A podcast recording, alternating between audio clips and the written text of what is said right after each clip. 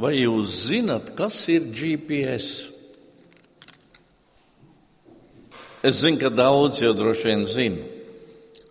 Tie vecie varbūt ne. Tā ir tāda ierīce, līdzīga kā mobilais telefons, kur tad ievada kādus datus, respektīvi to mērķi, uz kuru mēs gribam aizkļūt. Un tad šī ierīce nepārtraukti dod mums kādus norādījumus. Tagad brauc taisni, tagad nogriezies pa labi, nogriezies pa kreisi.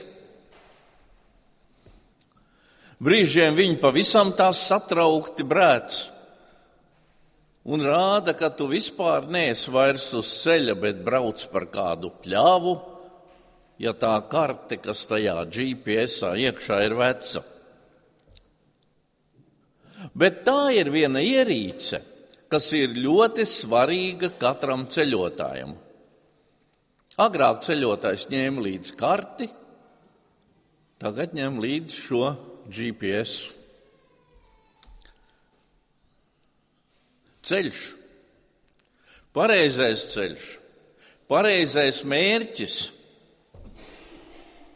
Tas ir ārkārtīgi svarīgas lietas. Gan ceļotājam, tādam, kas grib apbraukāt tuvākas un tālākas zemes, gan arī, arī garīgajā dzīvē.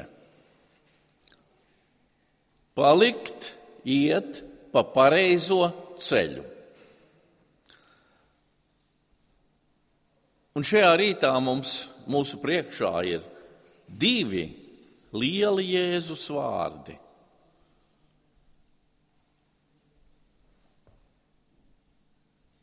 Es esmu augšām celšanās un dzīvība, saka Jēzus. Un viņš saka, es esmu ceļš, patiesība un dzīvība. Grūti saprotam vārdi. Šeit mēs saskaramies ar Jēzus dziļāko būtību, ar to, kas tad īsti viņš ir. To mēs nekad pilnam neizpratīsim, bet mēs varēsim caur Jēzus pašatklāsmi kaut kā ieskatīties, kā par tādiem caurumiņiem debesu valstības noslēpumos. Es gribētu teikt, ka šie septiņi lielie Jēzus pašatklāsmes vārdi ir faktiski ir visa Jāņa evaņģēlīja teoloģijas kopsavilkums. Es esmu ceļš, patiesība un dzīvība. Vispirms, kad tad Jēzus saka šos vārdus? Savas zemes dzīves noslēgumā. Pavisam tuvu klāt jau ir Jēzus ciešanas, krusts un nāve. Pēdējo reizi Jēzus sēž ar saviem mācekļiem pie viena galda. Viņš norāda uz jūdu kā uz savu nodevēju. Pēteris ir pasludinājis, Pēterim Jēzus ir pasludinājis viņa aizliekšanu. Un nu Jēzus mēģina paskaidrot saviem mācekļiem savu ceļu atpakaļ uz debesīm pie Dieva. Mācekļi nesaprot. Un tos, Toms viņam uzdod jautājumu par šo viņa ceļu. Un tad Jēzus saka šos vārdus: Es esmu ceļš, patiesība un dzīvība. Tieši pirms sava krusta nāves. Tad, kad viņam pašam cilvēciski tuvojas stunda, kad nav nekāda ceļa vairs. Cilvēciski šis ceļš beidzās. Gals, tūkstnesis, bez ceļa tālāk. Ceļš, kurš ved uz dziļāko pazemojumu viņam, uz nāvi pie krusta. Un viņš saka, ceļš. Es esmu patiesība. Viņš saka tā brīža priekšvakarā, kad nekāda patiesība nav redzama, kad meli un nepatiesība triumfē. Tā triumfē, kā vēl nekad nav triumfējuši. Gaidot savu nāvi. Jēzus saka, es esmu patiesība. Viss taču notiek pilnīgi pretēji Jēzu tam, kā tu saki. Vēl vairāk. Dzīvība. 20, 24 stundas vēlāk Jēzus ķermenis tiek ielikts kapā. Viņš taču to zina, ka tā būs. Un tomēr viņš saka, es esmu dzīvība. Jēzu, vai tu neesi kaut ko sajaucis? Tās lietas izskatās pavisam savādāk. Tas, ko tu saki, izklausās dīvaini. Tas neatbilst situācijai. Ceļš, patiesība, dzīvība. Un jūdi droši vien teica Jēzum, Jēzu tavs runas veids arī dīvains. Tu atkal uzsver šo es. Grieķu valodā nelieto pirmās un otrās personas vietnieku vārdus. Personu grieķu valodā nosaka pēc darbības vārda galotnes Tas, kā Jēzus runāja, neierasta viņa ausīm. Grieķi būtu teikuši, esmu ceļš, patiesība un dzīvība. Bez šī es Jēzus īpaši uzsver šo es.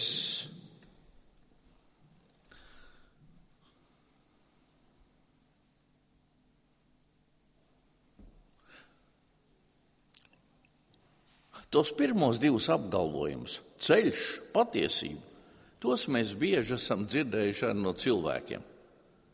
Daudzi saka, ka pie viņa ir patiesība, ka es esmu tas gudrākais, es visu zinu, ka visiem apkārtējiem ir jādomā tāpat, kā es domāju, un jādara tāpat, kā es daru. Mēs zinām tādus cilvēkus ar tik kategoriskiem uzskatiem. Mēs skatāmies uz viņiem un pasmaidām. Mēs to novērtējam kā egoismu. Mēs esam dzirdējuši cilvēku, kas saka, es esmu ceļš pie kaut kā. Nu, piemēram, man ir, un es varu savest jūs kopā ar tādu un tādu cilvēku, un tas jums palīdzēs. Es esmu ceļš pie tā cilvēka. Bet es vēl neesmu sastapis nevienu cilvēku savā garajā dzīvē, kurš teiktu, es esmu dzīvība. Ir dažādi norādījumi no speciālistu puses, no ārstu puses, kas ir jādara, lai saglabātu dzīvību. Ir ārsti, kas atdod dzīvību cilvēkam, kad jau tā ir viņu atstājusi gandrīz vai bet neviens nav iedrošinājies teikt, es pats esmu dzīvība. Kas saka šos vārdus? Kurš to iedrošinās teikt? Tikai viens, tas ir Kristus. Kas Jēzum tiesības tā teikt?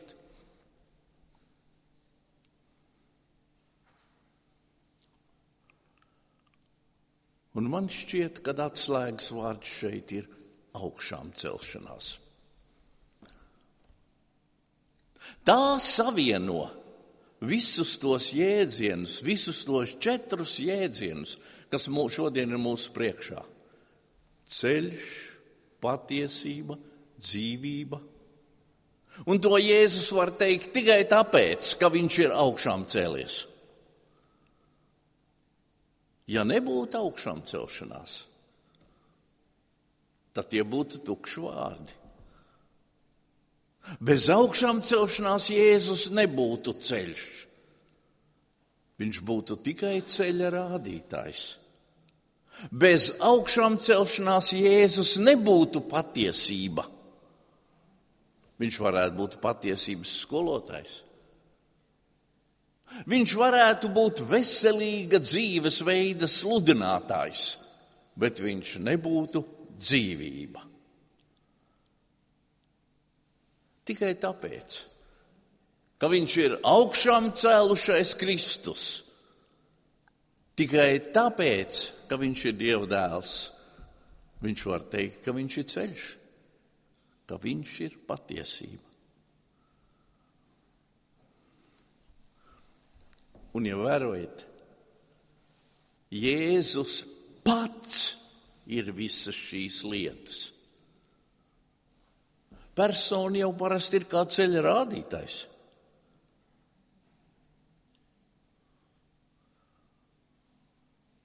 Šeit ceļš ir kā persona.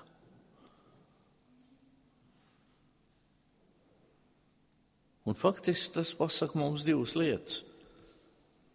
Vispirms, kas Jēzus pats ir savā būtībā, bet otrkārt, kas Jēzus ir priekš tiem, kas viņam tic? Kas Jēzus ir priekš mums? Ievērojiet vēlreiz, viņš nesaka, es jums parādīšu to daudzo ceļu vidū, kas ir pasaulē. To daudzo ceļu vidū, ar ko jūs sastopaties. Es, pa, es parādīšu jums to vislabāko ceļu, to pareizāko ceļu, to, kas aizved pie tā vislabākā mērķa. Viņš tā nesaka.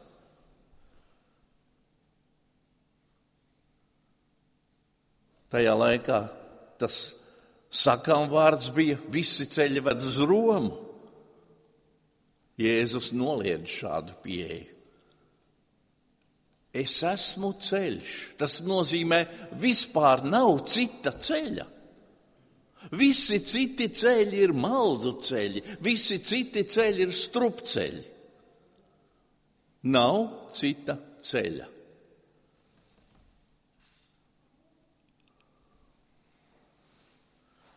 tie cilvēki, tie pasaules uzskati, visas reliģijas cenšas norādīt savu ceļu un teikt, lai cilvēki iet pa to ceļu. Jēzus nav reliģisks vai morāls ceļa, ceļa rādītājs. Viņš nav GPS. Viņš pats ir ceļš. Viņš pats ir patiesība.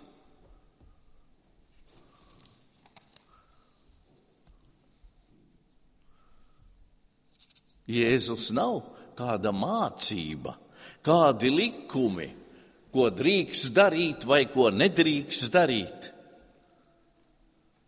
Man šķiet, ka šie brīnišķīgie Jēzus pašatklāsmes vārti ir kā tādi mazi puzles gabaliņi. Un man šķiet, ka tas īpašais gadījums, eh, gabaliņš ir patiesība. Jautājums par patiesību vienmēr ir nodarbinājis visas filozofijas un visus cilvēkus. Pilārs arī uzdod jautājumu, kas ir patiesība. Bet tas, ka Jēzus pasaka, es esmu patiesība, tas noārda visas robežas tas atbild uz šo sen, seno pasaules jautājumu. Es esmu patiesība. Nemeklējiet patiesību citur.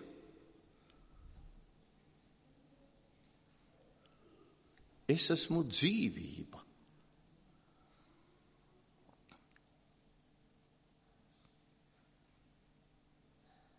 Mēs zinām bioloģisko dzīvību bet ne par to Jēzus šeit runā. Jānis savā evaņģēlijā lieto kādu īpašu vārdu, īpašu grieķu vārdu, kas norāda nevis uz bioloģisko, nevis uz miesīgo dzīvību, bet uz mūžīgo dzīvību. Tas, ko citi evaņģēlisti saka, debesu valstība, dieva valstība, Jānis saka, tā ir dzīvība. Dzīvība nāvē, patiesība tumsībā, ceļš tuksnesī. Tāpēc, ka viņš ir augšām celšanās. Es zinu, ko jūs pašlaik domājat. Jūs domājat, ka tas viss ir pareizi. Jūs domājat, jā, Jēzus tāds patiešām ir.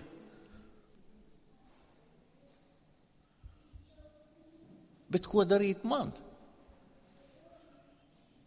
Man, kurš šajā brīdī, šajā svētdienā, varbūt esmu atnācis šeit ar savu rūpināstu, ar savu problēmu, ar savu nemieru nospiestu sirdi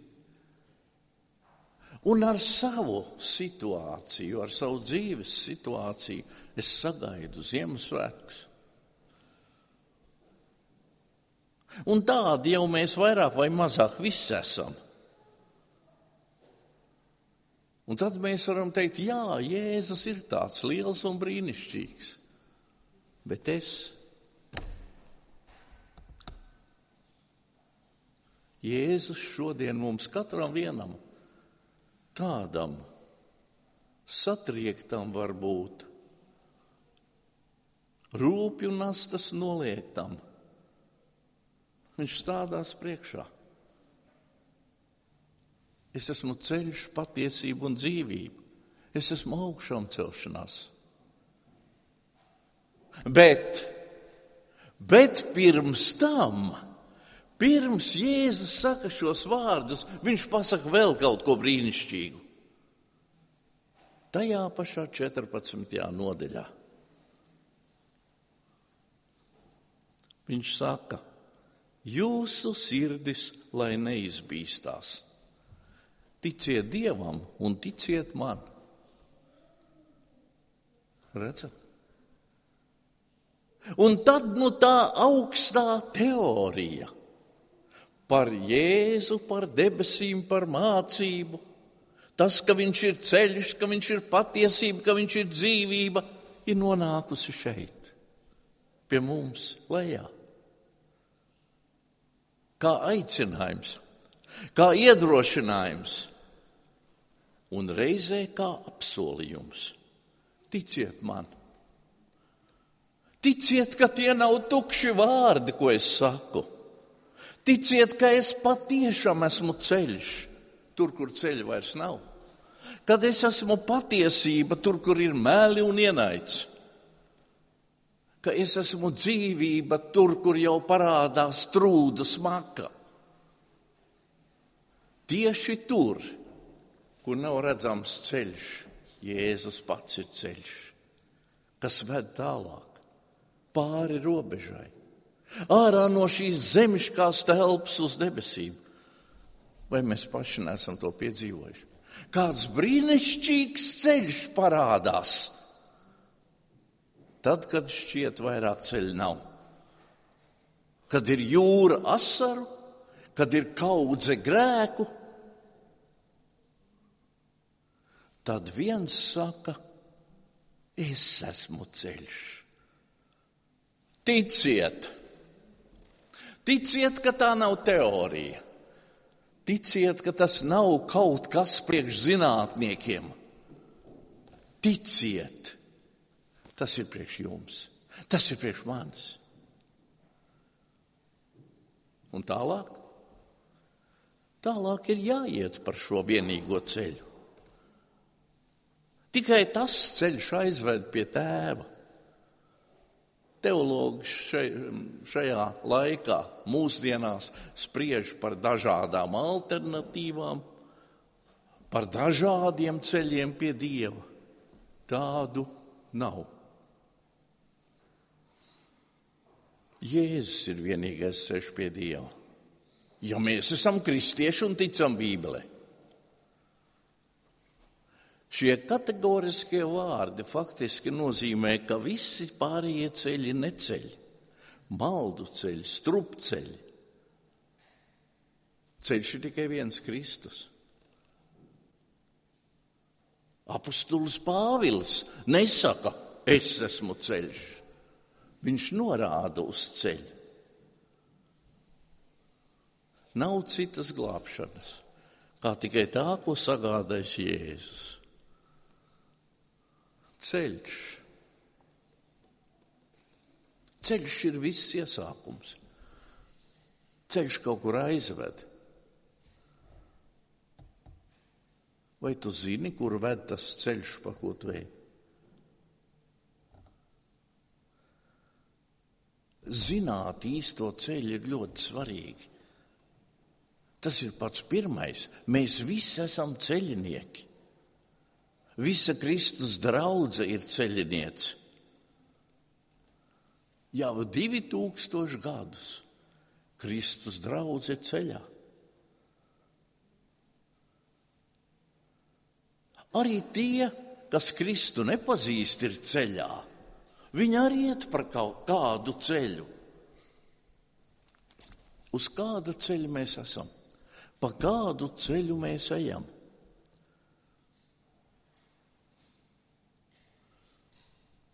Tāpēc mums ir tik ļoti svarīgi šie Jēzus vārdi.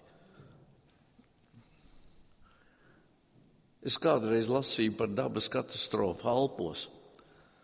Tur mežonīgi plūdi bija atgriezuši cilvēkus no ārpasaules. Visapkārt tikai lietus izskalot kalni, kuru katru brīdi par šo ciemu varēja nākt akmeņu un dubļu nogrūms un aprakšos ļaudis. Tāds ir katra cilvēka stāvoklis, kas neiet par šo ceļu, ko Jēzus ir mums.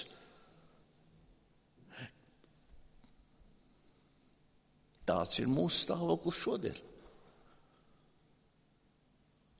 Mēs esam kādā bedrē. Ne tikai tie, kas Kristu nav pieņēmuši, arī mēs, kristieši. Mēs varbūt domājam, mēs esam uz tā ceļa, bet vai tad mēs negrēkojam? Vai nav atkal un atkal mums jāpiedzīvo, ka grēks ir lielāks un spēcīgāks par mums, ka problēmas ir lielākas, ka aiz savu rūpju kalnu mēs neko nesaskatām? Bet tam vārdam ceļš ir vairākas nozīmes. Un viena no šīm nozīmēm ir izēja. Izēja ir. Glābšana ir iespēja tev no tava stāvokļa izrauties ārā. No tā, kad nav spēka, ticības dzīvē. No tā, kad atkal un atkal sātanam izdodas mūs caur savām kārdināšanām novest no pareizā ceļa.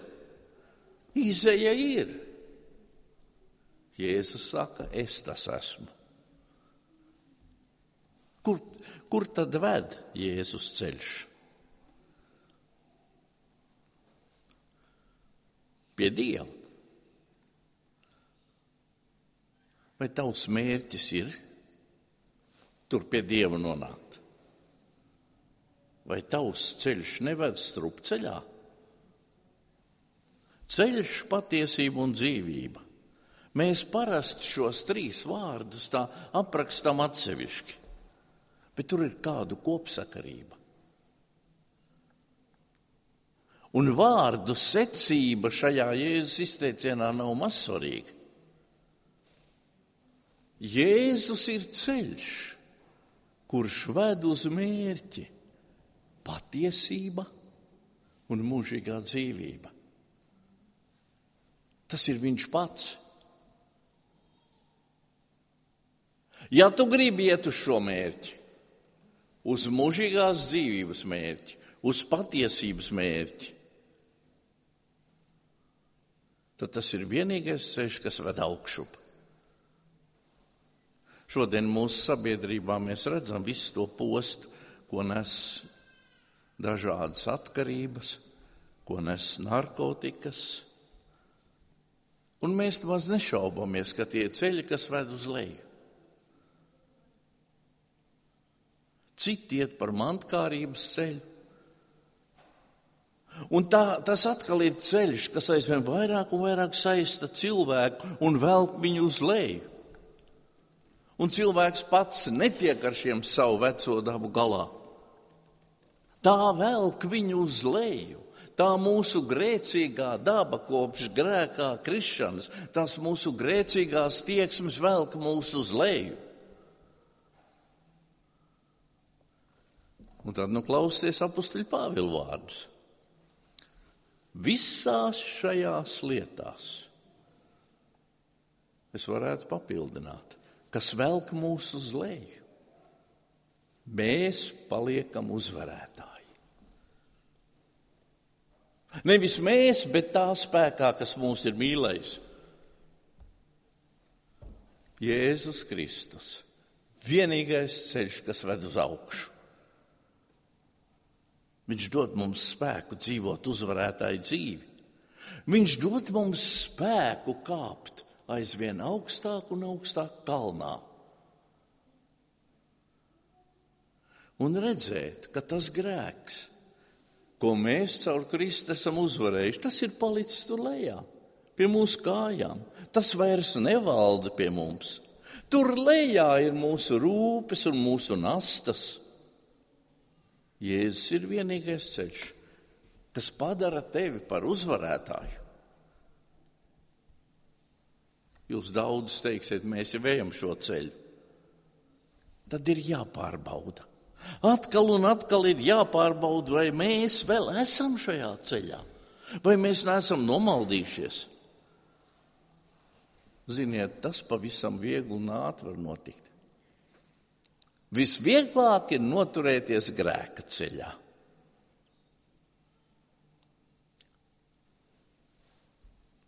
Jēzus ir ceļš, kas ved uz patiesību. Un patiesība ir tā, kas norauj visas mūsu maskas. Un tad mūsu paštaisnībai un mūsu bravūrai ir beigas. Tad es ieraugu īsto sevi. Kāds tad nu es īsti esmu? Pravietis Iesai saka, mēs visi maldījāmies kā avis, ik viens raudzījās tikai uz savu ceļu. Redzat, tikai savus ceļus mēs redzam. Arī mēs arī tie, kas ar Kristu ejam, vai nav tā, ka mēs faktiski redzam un ieraugam tikai savu ceļu? Un pravietis saka, tajā nav nekā pozitīva. Nav nekā pozitīva tajā, ka mēs saskatām tikai savu ceļu. Tas faktiski raksturo mūsu maldu stāvokli. Mūsu skats ir vērsts tikai pašiem uz sevi, pašiem uz savu dzīvi, Un vārdu sakot, mēs dzīvojam paši savā egoismā. Tad, kad Jēzus patiesība man norauj to masku, tad es ieraugu, lai cik gudri, lai cik pareizi ir man neliktos tie mani ceļi, savā būtībā tie ir sautīgi, savā būtībā tie ir egoistiski. Tie ir patmīlīgi ceļi.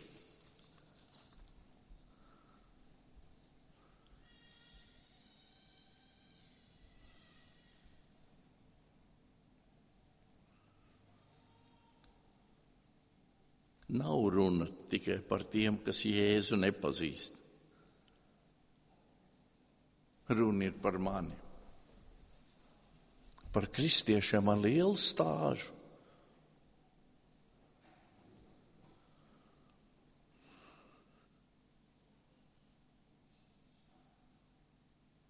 Tad, kad es skatos uz citiem un redzu un saskatu tik brīnišķīgi skaidri, Viņš ir nomaldījies, viņš grēko, viņš dara nepareizi, viņam tā vajadzētu darīt. Tad nav runa par viņu, bet par mani. Par to, ka es pats sevi nesaskatu.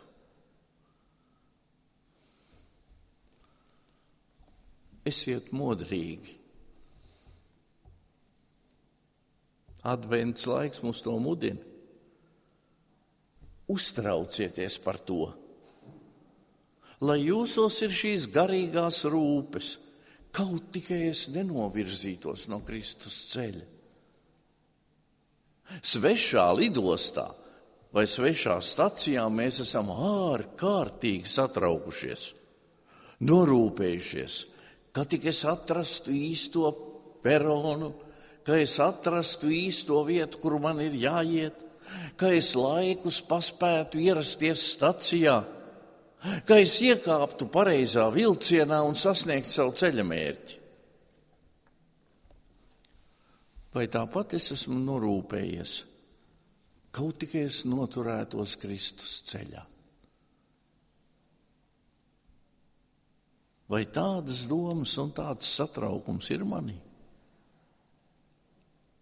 Kad pēdējo reizi šīs domas darīja mūs nemierīgus?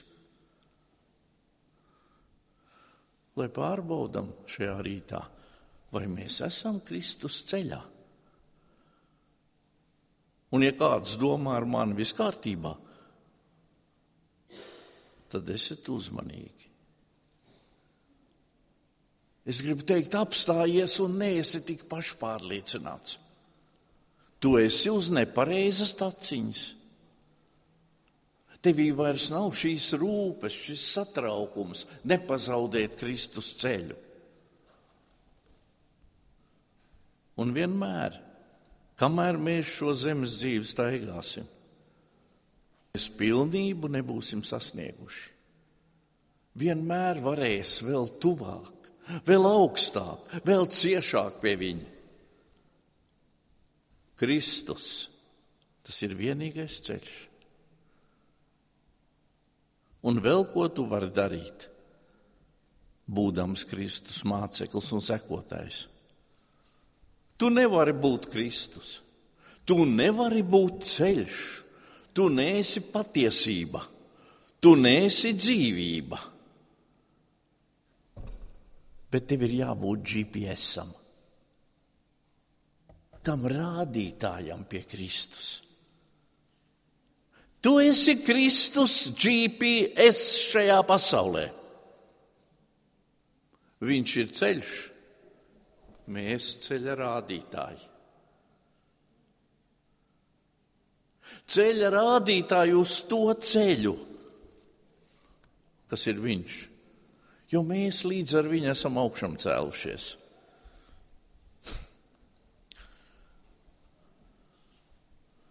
Vai var būt kristietis?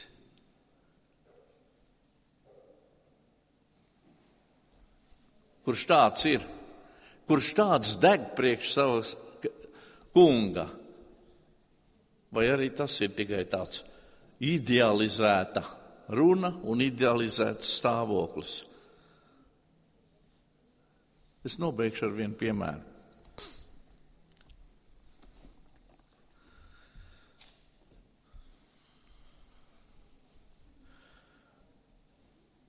Te ir maz tādu, kas atcerās vēl padomu laikus.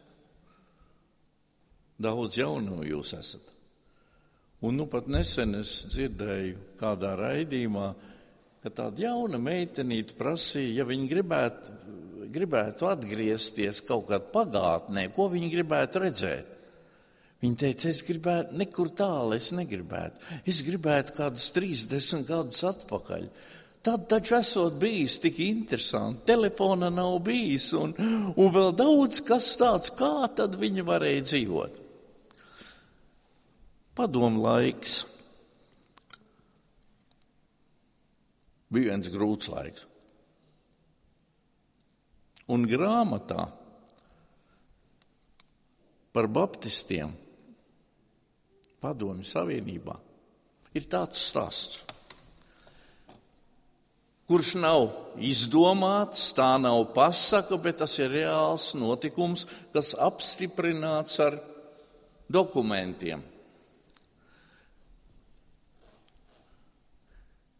Kādā Baptistu draudzē Krievijā piegājusi draudzes locekli pie savu mācītāju un teikusi, mācītāji, vai jūs nevarat atnākt pie mana vīra uz mājām? Viņš mirst, viņam ir pēdējās dienas, varbūt, jebkā, un viņš ļoti grib runāt ar mācītāju. Jā, tas mācītā, baptistu mācītājs ir aizgājis, Tas vīrs nav bijis nekāds draudzes loceklis vai kristietis, bet gribējis ar mācītāju runāt. Viņš saka, ziniet, ko man uz sirds ir tāds smagums. Es esmu cilvēkus nogalinājis. Nu, tas mācītājs prasīs viņam, nu, cik jūs vienu esat nogalinājis vairāk, nu, desmit, vairāk, simtu daudz vairāk. Redzat, es biju padomu laikā. Es nezinu, kā tagad pateikt jums, ko nozīmē čekists. nu, tāds policists, bet tikai nevis tāds ierindas, bet tāds liels, varens vīrs. Kaut kur tur pie Japānas robežām. Un tur mēs tos cilvēkus, kas nebija mums patīkami, mēs sagūstījām, piespiedām viņus atzīties, ka viņi ir Japāņu spiegi, un pēc tam nošāvām. Es biju viens no tiem, kas tad, tad viņus pratināja un piespieda atzīties. Un tur bija dažādi cilvēki, ne tikai, ne tikai kristieši. Viņš saka, un viens cilvēks, viens jauns cilvēks, gadus 40 vecs, viņš manā acu priekšā visu manu mūžu stāvējis. Kāpēc? Viņš nekādā spīdzināšanā neatzinās, ka viņš būtu Japāņu spiegs. Es neesmu tas, viņš teica. Mēs viņam nu, darījām visu to, ko nu var spīdzināšanā izdarīt. Un tad, kad viņš ienāca pēdējo, tika ienests pēdējo reizi manā kabinetā, stāsta tas mirstošais cilvēks. Vienu roku viņam bija salauzta, viņš nevarēja pacelt. Sēja arī bija sasista. Un tad es viņam teicu, saka tas mirstošais, vai tu zini, kāpēc mēs tev labo roku veseli esam atstājuši? Lai tu varētu parakstīt savu atzīšanos, ka tu esi Japāņu spiegs. Un tad šis cilvēks. Šis 40 gadīgi 40-gadīgais kristietis, es jau teikšu. Viņš teica, nē, jūs maldaties. Jūs esat man labo roku atstājis tāpēc, lai es jūs varētu svētīt. Lai es varētu svētīt jūs, kurš tūlīt man nošausiet. Viņš saka, un es tā izdarīju, es nevarēju nociesties, izrauju pistoli, viņu nošāvu. Un šis skats, viņš saka, visu laiku ir manā priekšā. Tā viņa paceltā labā roka un viņa svētība. Redzat, var savādāk, var iet savādāku ceļu. Tādu, kurš nepielāgojās, tādu, kurš stāv par savu kungu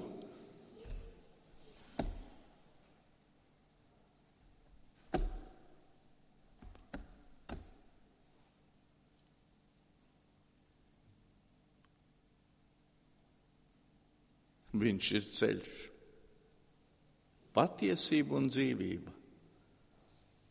Tāpēc, ka viņš ir augšām celšais Dievs. Un cik tas ir brīnišķīgi, kad arī mēs varam ar viņu būt augšām cēlušies. Slava Dievam! Lūksim Dievu! Debes Tēvs, tev pateicos no sirds, ka tu ļauj mums ieskatīties par kādiem maziem, maziem caurumiņiem tavā valstībā. Ka, kungs, tu pats mums esi sev atklājis, rādīdams, kas tu esi.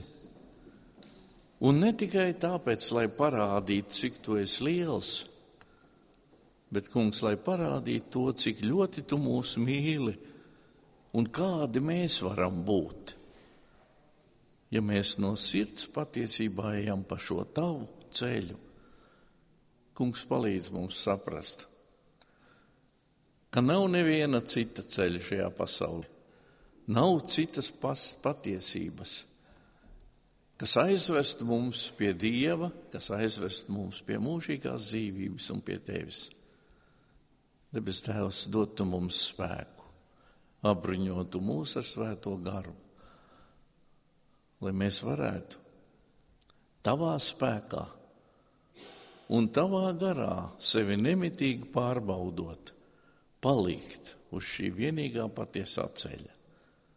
Debes Tēvs tā svētī mūs šo adventas laiku vadot, Ziemassvētku sagaidot un visā tālākajā mūsu dzīvē.